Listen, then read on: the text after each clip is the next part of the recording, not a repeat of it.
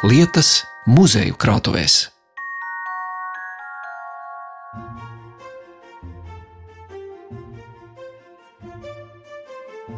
Man šis bija kārtējais gads, kas piepildīts ar jauniem atklājumiem Latvijas muzejos, iepazīstot krājumu priekšmetus. Un, skatoties uz aizejošā gada raidījumiem, izvēlējos pieminēt tos ierakstus, kas saistās ar ko pirmreizēju Latvijas vēsturē un kultūrā. Mans vārds ir Zane Lāce Baltāksne, un turpmākajās 24 minūtēs piedāvāšu atskatu uz tiem raidījumiem, kuros bija runa par pirmajiem aizmetņiem Latvijas lauksaimniecībā, dārzkopībā, kino, foto un teātra mākslā, dziesmu svētkos un valsts dibināšanā. Šī gada maijā Latvijas fotografijas muzejs atzīmēja savus pastāvēšanas 30 gadus, un muzeja krājumā glabājas pirmais latviešu valodā drukātais izdevums ar padomiem un informāciju par fotografēšanu. Žurnālu ar nosaukumu Stari izdeva Mārtiņš Buclers, kur uzskata par pirmo profesionālo latviešu fotogrāfu. Lūk, fragments no ieraksta ar muzeja krājuma glabātāju Janu Čauri. Kā jūs redzat, 1906. gada jūlijā pirmais numurs un redaktors un izdevējs ir Buclers. Ļoti ievērojama persona tieši latviešu fotografijā. Viņa tas mērķis bija tulkot latviešu valodā grāmatas par fotografiju, lai latviešiem būtu iespējams arī uzzināt vairāk un mācīties par fotografiju. Un, un tas ir liels devums fotografijas attīstībai tieši Latvijā. Kas ir fotografija? Jocīgs jautājums. To jau mēs visi zinām, ka fotografija tā ir smuka bildīte, uzlīmēta uz papes gabaliņa, zeltotām malām, zeltotu parakstu vācu valodā. Pat mazais Jancis jau ir tik gudrs, ka zina, kā bildes taisa. Viņa sētas Arnolds Lūk, atbraucis no pilsētas, tur izmācījies fotografēt, nosēdina līzi uz sola, uzstāda pret līzi savu kameru uz tādām trim kājām, palien zem melna lakata un uzzīmē līzi. Jancis arī pats palīdzis zem tumšās sēgas un redzējis Arnolda uzzīmētu bildi tīri kā dzīvu. Tik tas tam licies tā jocīgi, ka Arnolds uzzīmējis Līzei galvu uz zemi un kājas uz augšu. Šis attēlojums bija vienkārša dabas parādība, pēc kuras ik viens priekšmets atspīdēdams caur fotogrāfisko objektīvu redzams apgriezti. Turpinot skatīt iespiedu darbus latviešu valodā, ir jāatceras Sīmanis Klēvers, kuru dēvē par Latvijas dārzu tēvu.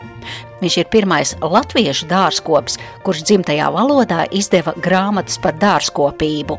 Viņa devumu vēl šodien novērtē dārzkopības un augļkopības speciālisti. Durbes senlietu krātuvē Tās vadītājs Reinis Bachs ikvienam interesantam ļauj ieskatīties 19. gadsimta nogalē izdotajos sējumos. Viņš ir uh, Latvijā pirmais dārznieks, kas ir latviešu valodā rakstījis grāmatas par dārzkopību. Bijuši ir eh, dārznieki, kas tulkojuši no vācu valodas, bet viņš no savas pieredzes. Viņš sācis jau Kalētu mūžā, kur viņš pie baroneses Noldes um, ir apgūlis dārzkopības pamatus un daudz ko iemācījies. Tur sarakstījis savu pirmo grāmatu par sakņu dārzu, un tā turpinājās visu mūžu. Šeit mums ir laimīgā kārtā arī viena no viņa grāmatām, 1800. 90. 90. gadā Sīmans Klevers tajā laikā ir vēl Durbas miesta priekšnieks, nu, toreiz bija miests, trīs gadus vēlāk nodibinājās pilsētu, un viņi ievēlēja par pilsētas vecāko, kā krietnu vīru, kas daudz ko sasniedzis. Viņš nodibināja mūsdienām atbilstošu modernu dārzkopības firmu, kas pamatā bija koku skola, kur audzēja augļu koku stādus, un tad uh, bija arī sēkla audzēšana dažādām kultūrām. Viņš pēc kataloga tās piedāvāja avīzēs un izdeva katalogu visā kurzemē un arī Latvijā. Varēja pasūtīt pēc kataloga stādāmo materiālu, sēklas un tam līdzīgas lietas. Gluži kā mūsdienās. Bet vai arī viņš durbē kaut kur viņam bija kāds izmēģinājuma lauciņš? Jā, durbē, durbē viņam bija plašs dārzs. Viņš ieprecējās durbē, iemantoja šeit divas mājas. Viņš turīgā ģimenē ieprecējās un uzreiz sāka darboties ar plašu vērienu. Iegādājās 50 ābeļu šķirnes, ja nemaldos, 20 bumbieru un 20 plūmju šķirnes no labākajām koku audzētavām Rīgā un no Vācijas. Un visas jaunās un modernās šķirnes izmēģināja durvis apstākļos, kurus varētu turpināt audzēt un izplatīt. Starp citu, Durbas pilsētas ģerbonī ir attēlota ābele ar septiņiem āboliem, katrai nedēļas dienai pa auglim, un ierosmi šādam pilsētas simbolam deva dārzkopis un toreizējais pilsētas galva Sīmanis Klēvers. Un turpinot par dārzkopībai tuvu tematiku, ielūkojamies senajā priekuļu selekcijas ēkā, kur ir iekārtots Latvijas laukaugu selekcijas muzejs. Šis nams tika būvēts pirms simts gadiem, lai apkārtnes zemniekiem būtu iespēja izglītoties un darboties kultūra augu selekcijas jomā. Šī ir varbūt ļoti unikāla celtne, jo tieši ēku selekcijas darbam un vajadzībām, nu, es nezinu, kur vēl Latvijā tieši tikko pēc Latvijas valsts nodibināšanas tika tāda veidota. Tā kā tāda tiešām ļoti unikāla ēka, kura, godīgi sakot, mēs vēl strādājam viņā arī šobrīd ar savu selekcijas materiālu. Bet es saprotu, ka es esmu tādā skaistā gadā ieradusies, jo muzejam ir desmit gadi, šai ēkai ir simts gadi, Un eh, pirms 110 gadiem sāka šeit, priekuļu mūžā, veidot izmēģinājumu lauciņus. Vai pareizi tā ir? Ja? Tieši tā, un vispār priekuļi kā tāds lauksaimnieciskās izglītības un pētījuma centrs ir veidojies jau šī gadsimta sākumā. Un tas, protams, saistās ar to, ka šo centru izveidoja nevis valsts, toreiz jau bija cara valsts vai ne cara Krievija, bet uh, tāda sabiedriska organizācija kā Rīgas lauksaimniecības centrāla biedrība. Un kāpēc uh, izvēle krita vairāk uz priekuļiem, jo šī bija kroņa muiža. Tas nozīmē, viņai nebija tāda īsta īpašnieka, un viņa nonāca centrāla biedrības rīcībā. Nu, tad arī lauksaimniecības centrāla biedrība sāka šeit ar kursiem, ziemas kursiem, kas ir par pamatu vēlāk lauksaimniecības tehnikumam, priekuļu tehnikumam slavenajam. Tas bija 11. gadā, pēc tam mašīnu izmēģinājuma stacija, meteoroloģiskā stacija, kaitēkļu un slimību apkarošanas stacija un 1913. gada 23. aprīlī darbību sāka arī selekcijas un izmēģinājuma stacija priekuļos. Nu, kāpēc tas tā? Jo mūsu zemnieki, Latvijas zemniekiem, bija iespēja gadsimtu mijā pašiem nomāt zemes, iegādāties, izpirkt. Viņi gribēja, nu, tāpēc, ka dzimšana bija atcelta iepriekšējā gadsimta beigās, Un tā kā bija šī iespēja, viņi gribēja strādāt ar peļņu un sāka domāt, kādus mēslojumus izmantot, kādas šķirnes audzēt, lai varētu lielākas ražas iegūt, lai varētu ienākumi būt. Un tāpēc arī šī biedrība, kuras starp citu arī apvienoja ļoti daudzas lauksaimnieku biedrības visā, varētu teikt, Latvijas teritorijā, toreiz jau nebija Latvija. Un tā rezultātā sāka veidoties šis centrs. Tā par seno priekuļu ēku stāstīja Priekuļu laukaugu selekcijas institūta vadošā pētniece Ilze Skrabule. Un atskatoties vēl uz citām ēkām, kurām piedien nosaukums pirmā un latviešu vajadzībām domātā, ir jāmin Rīgas latviešu amatnieku palīdzības biedrība, kuras nopelns ir pirmā īpaši Rīgas latviešu teātrim būvētā ēka. Par šo biedrību liecina liela izmēra karoks, reiz bijis šūdināts no gaiša zila zīda, tagad klāts ar ielāpiem un tik uzraksti un ornamenti zelta diegiem ir izturējuši laika zobu un tie vēstīja Rīgas Latviešu amatnieku palīdzības biedrība 30. jūlijā 1878. gadā. Karoks, kā dārgums, tiek glabāts Rakstniecības un mūzikas muzeja, teātra un kino vēstures krājumā. Vārds šī krājuma glabātājai Andrai Lazdānei. 30. jūlijas 878. gads ir šīs latviešu amatnieku palīdzības biedrības dibināšanas datums, un tas ir šīs biedrības karoks. Bet tas ir nonācis muzejā 1974. gadā, kad tika dibināts teātris muzejs Smilģa mājā. Un no visiem teātriem vāc materiālus jaunajai teātris muzeja ekspozīcijai. Un tad kopā ar daudziem, daudziem citiem Dailes teātra priekšmetiem ir nonācis muzejā šis karoks. Kas tad tā ir par latviešu amatnieku palīdzības biedrību? Tā ir tā, kas savulaik dibināja, finansēja jauno latviešu teātri. Un kāpēc viņš no Dailas teātra ienāca pie mums? Ļoti vēsturisks relikts tas ir, un tas ir saistīts ar ēku Rīgā, Plāčplēša ielā, toreiz par Mānu vielā 25. Šis karoks ir saistīts ar nu, tautā saukto veco dailīti, vecā dailes teātrēku, tagadējo jauno Rīgas teātri. Tolaik tas nams tika uzbūvēts 1902. gadā, un to būvēja šī amatnieku palīdzības biedrība. Un tad, kad ēka bija otrajā gadā uzbūvēta, to tūlīt sāka īrēt no šīs biedrības jaunais latviešu teātris, kurš tur pastāvēja no otrā līdz piektajam gadam. Un patiesībā tā biedrība tur izmantoja pāris telpas tikai, bet principā tā bija teātrēka. Tā, tā ir nu, tā pati, man liekas, vēsturiskākā, nozīmīgākā Latvijas teātrēka, kurā ir darbojušies tagad jautājums, cik teātri.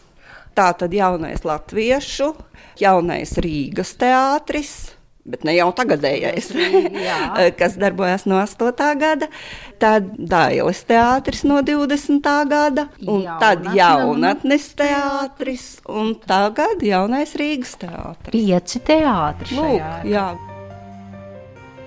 Šī vasara pagāja dziesmu svētku zīmē, un tāpēc varam pelepoties ar pirmajiem vispārējiem dziesmu svētkiem veltītu plakātu, kas glabājas Latvijas Nacionālās Bibliotēkas mākslas krātuvē. Tā ir nodzeltējusi laika zobas karta papīra lapa, kur augšpusē uzzīmēts eņģelis virs pilsētas fona, apakšā togā tērpts vīrs, tam apkārt kaili bērneļi, vieni ar rakstām papīru un spalvas kātu, citi kāpj augšu par rožu klātiem zariem. Lapas vienā pusē redzams sējais uz lauka, un pašā vidū, gotisku torņu ietvarā, ir iekļauts teksts Jūra Alunāna dzejas rindas, nevis slinkojot un pūstot. Vairāk par to stāsta Latvijas Nacionālās Bibliotēkas mākslas krājuma eksperts Toms Herings. Tā zīmīgākā lieta, kas šeit ir, īstenībā ir tieši datējums, kas arī uz šīs lapas ir, ir apakšā kur ir rakstīts no cenzūras atvēlēts Rīgā 27. jūnijā 1873. gadā. Un dziesmu svētki tātad notiek no 26. līdz 28. jūnijam.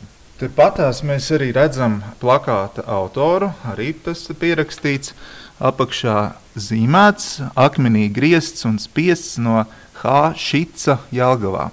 Un tātad tas eh, akmenī griezts un spiests nozīmē norāda tieši tā uz, uz litogrāfijas tehniku. Bet, paskatoties uz šo plakātu, viņu nemaz e, tā uzreiz nevar novērtēt, ja mēs nekoncentrējamies uz e, to centrālo, kas ir tātad trīs e, dzīslu panti. Un redzam, ka autors ir Juris Alunāns. Dzējols ir nevis slinkojot un pūstot. Un šeit patiesībā pie katra panta mēs arī redzam nu, tādas kā ilustrācijas katram pantam. Un, teiksim, pie paša pirmā mēs redzam tādu jaunu kungu, kas varētu būt arī students. Pie otrā panta, ja ik viens tik zemē sētu vienu graudu veselu, kas tad izskaitītu spētu zelta kviešu krājumu. Un tur mēs redzam kā, kā vecāku vīru, kurš lasa grāmatas, pie pilsdrupām bija kādas pušsabrukušas ārkas. Un no sākuma nebūtu varbūt skaidrs, kas tie par graudiem un kā, bet patiesībā mēs kontekstā ar to visu dzējoli un jaunatiešu centieniem un arī rakstiem, ko pats Alunāns ir rakstījis. Tad mēs varam secināt, ka tie graudi, kas ved pie zelta kviešu krājuma, ir gudrība. Un tad mēs šeit redzam, kā pie tās gudrības tikt. Ir tātad lasīt grāmatu. Mācoties. Un turpat tās pie trešā panta.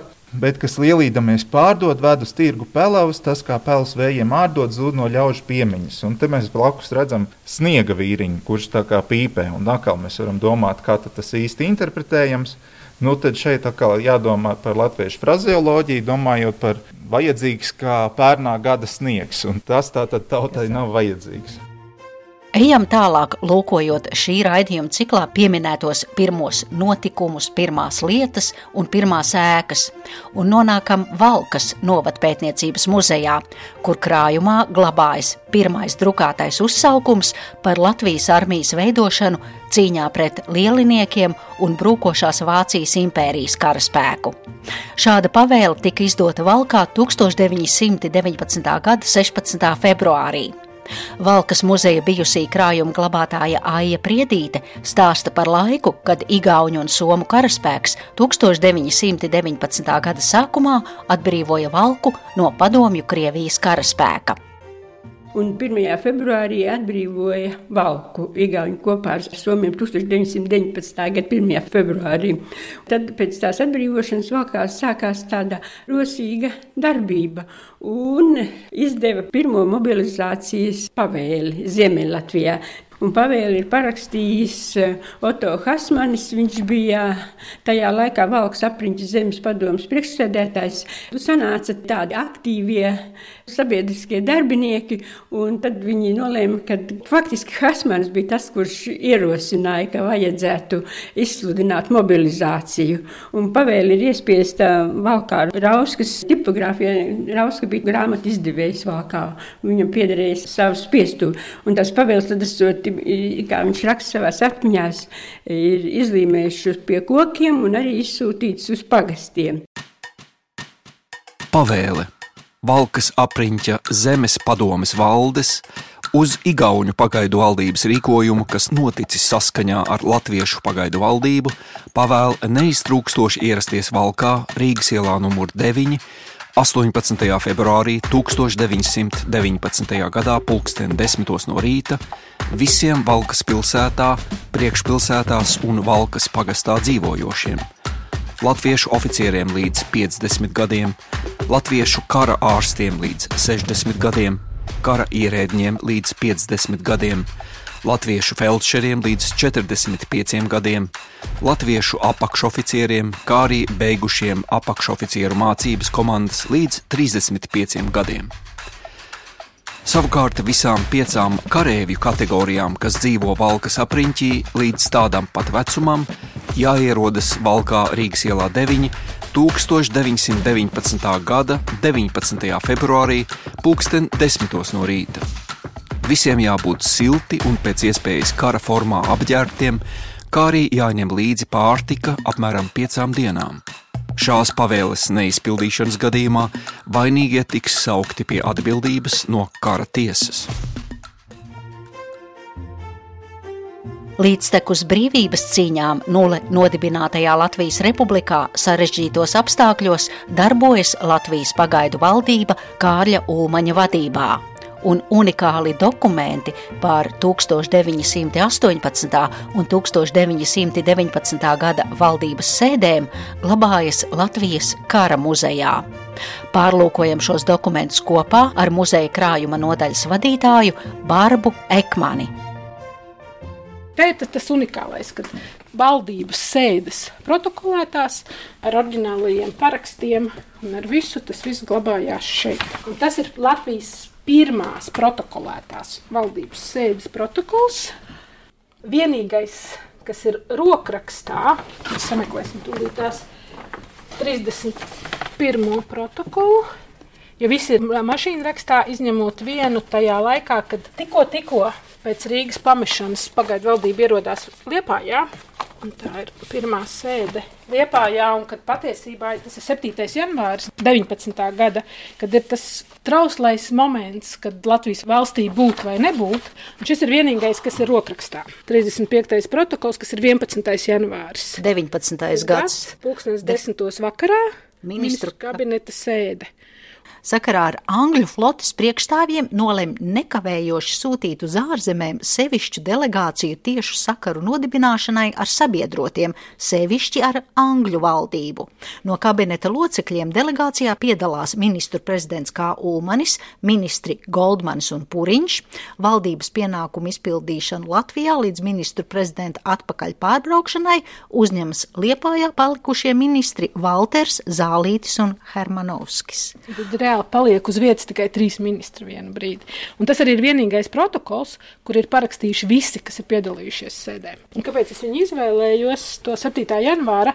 Tas ir praktiski vienīgais protokols, kurā ir uzrakstīts arī tas konkrētā diskusija. Jo parasti jau kā ir protokols, jau vairāk ir šī te fiksējošā lēmuma daļa. Bet te ir arī tās diskusijas, jo te ir jautājums par to, ko darīt. Aizstāvēt liepāju, kā organizēt aizsardzību valsts. Jo tas ir reāli saistīts ar to militāru politisko stāvokli, kas Latvijā ir. Nu, te mēs lasām, jā, ka stāvoklis Liepājā ir nedrošs un latviešu iedzīvotāju lielākā daļa simpatizē lieliniekiem. Nodrošināt stāvokli pilsētā būtu iespējams tikai ievedot militāru diktatūru. Tādā gadījumā valdībai būtu jāņem savās rokās pilsētas pārvalde un pārtikas organizācija. Arī uz laukiem stāvoklis ir nelabvēlīgs. Jā, tas, tas ir tie kritiskie brīži Latvijas valstī, kas parādās it kā caur tādu nu, necilu dokumentu, kas saucās sēdes protokols. Un šo raidījumu apskatu izvēlējos noslēgt ar kādu simtgadnieku, kurš šo jubileju nosvinēja vakar, 30. decembrī. Tas ir kinoteātris Splendid Palace, kas ir pirmais kinoteātris Baltijā, kurš tika uzcelts filmu izrādīšanas vajadzībām. Un vēl ar vienu nama otrā stāva vestibilā atrodas spogulis no tiem laikiem. Par grezno rokoko stilā veidoto spoguli stāsta kinoteātra mākslinieckā vadītāja un kinokritiķe Daira Āboliņa. Mums ir tātad viens oriģināls mazs balts galdiņš, ļoti necils un brīnišķīgs, milzīgs ovāls spogulis, kurš grezno šo zaļo, kā mēs saucam, zaļo ovālo zāli. Un, eh, jā, tas tiešām ir eh, laikmeta liecinieks. Kā jūs to pieiesiet tuvāk, redzēsiet, ka te ir jau tāda patīna izveidojusies uz eh, spoguļa stikla. Tātad jā, viņš patiešām ir no kinoteātra atklāšanas laika pielāgots šim greznajam interjeram, atvests no ārzemēm. Gleznotājs Hermans Grīnbergs apgleznoja šo telpu un izveidoja šos rokoko Ciļņus, kuri apzeltīti, apzeltīti jā. jā, vismaz izskatās apzeltīti, jā, zelta krāsā. Un vajadzēja piemeklēt arī kādu greznu telpu, vēl vairāk izdaļojošu elementu, un tas ir šis spogulis greznajiem. Ja? Tad jūs redzat arī, ka formā tam spogulim ir ļoti neparasta, jo viņam, jā, viņš ir horizontāli, viņam liekas, ka šāda tipa spoguļiem taču jābūt vertikāli, lai var sevi redzēt. Ja? Jā, te ir diezgan jāatkāpjas, lai redzētu no galvas līdz papēžiem. Tieši tā. Jā, tā tas ir ļoti neparasts izvietojums spogulim, bet nu, viņš labi šeit izskatās. Un dāmas, kuras ir vakarklētās, parasti šajā vietā, ja jau reiz tiek rīkot kāda pieņemšana šajā zaļajā zālē, tad viņas var pastīties, vai viņas pietiek. Un mēs skatāmies diezgan slaidus arī šajā. Tiešām, jā, it kā spogulis ir horizontāli izstiepts, bet attēls slaidina. Attēls glaimo. Bet es gribētu teikt, ka tas ir brīnums, ka šis spogulis ir saglabājies. Jo jūs stāties priekšā, ka kinotēts ir dibināts 1923. gada 3. decembrī. Šeit bija pirmais kinoseans, ka tam šeit jau pie sienas vajadzēja būt. Un uh, ir bijuši, mēs zinām, kāri un ir bijuši padomi savienība un vispārējais. Un tik trausla lieta kā spogulis ir izdzīvojis. Es nesaprotu, kā varēja notikt. Protams, tā, ka caur šiem kariem un caur šo likteņu drāmu, kādu ir piedzīvojis šī ēka, piedzīvojis Otro pasaules kāru, barikādes, Padomju Savienību, Latvijas atzimšanu un simtgadu piedzīvot. Ja nu gadās apmeklēt kinoteātri, uzkāpiet otrajā stāvā un zaļajā zālē var aplūkot šo senumu, kurā simt gadu laikā ir raudzījušies neskaitāmi cilvēki, kurus vieno interese un mīlestība uz kino. Un vēlot daudz laimes simtgadē kinoteātrim, es vēlu arī jums, klausītāji, piedzīvot skaistus mirkļus jaunajā gadā, lai pēc laika tos varētu ielikt jūsu labo atmiņu krājumā. Raidījumu veidoja Zane Lāce Baltāksne, un mēs tiekamies nākamgad ierastajā laikā un vietā Latvijas Radio 1. Vietu lietas.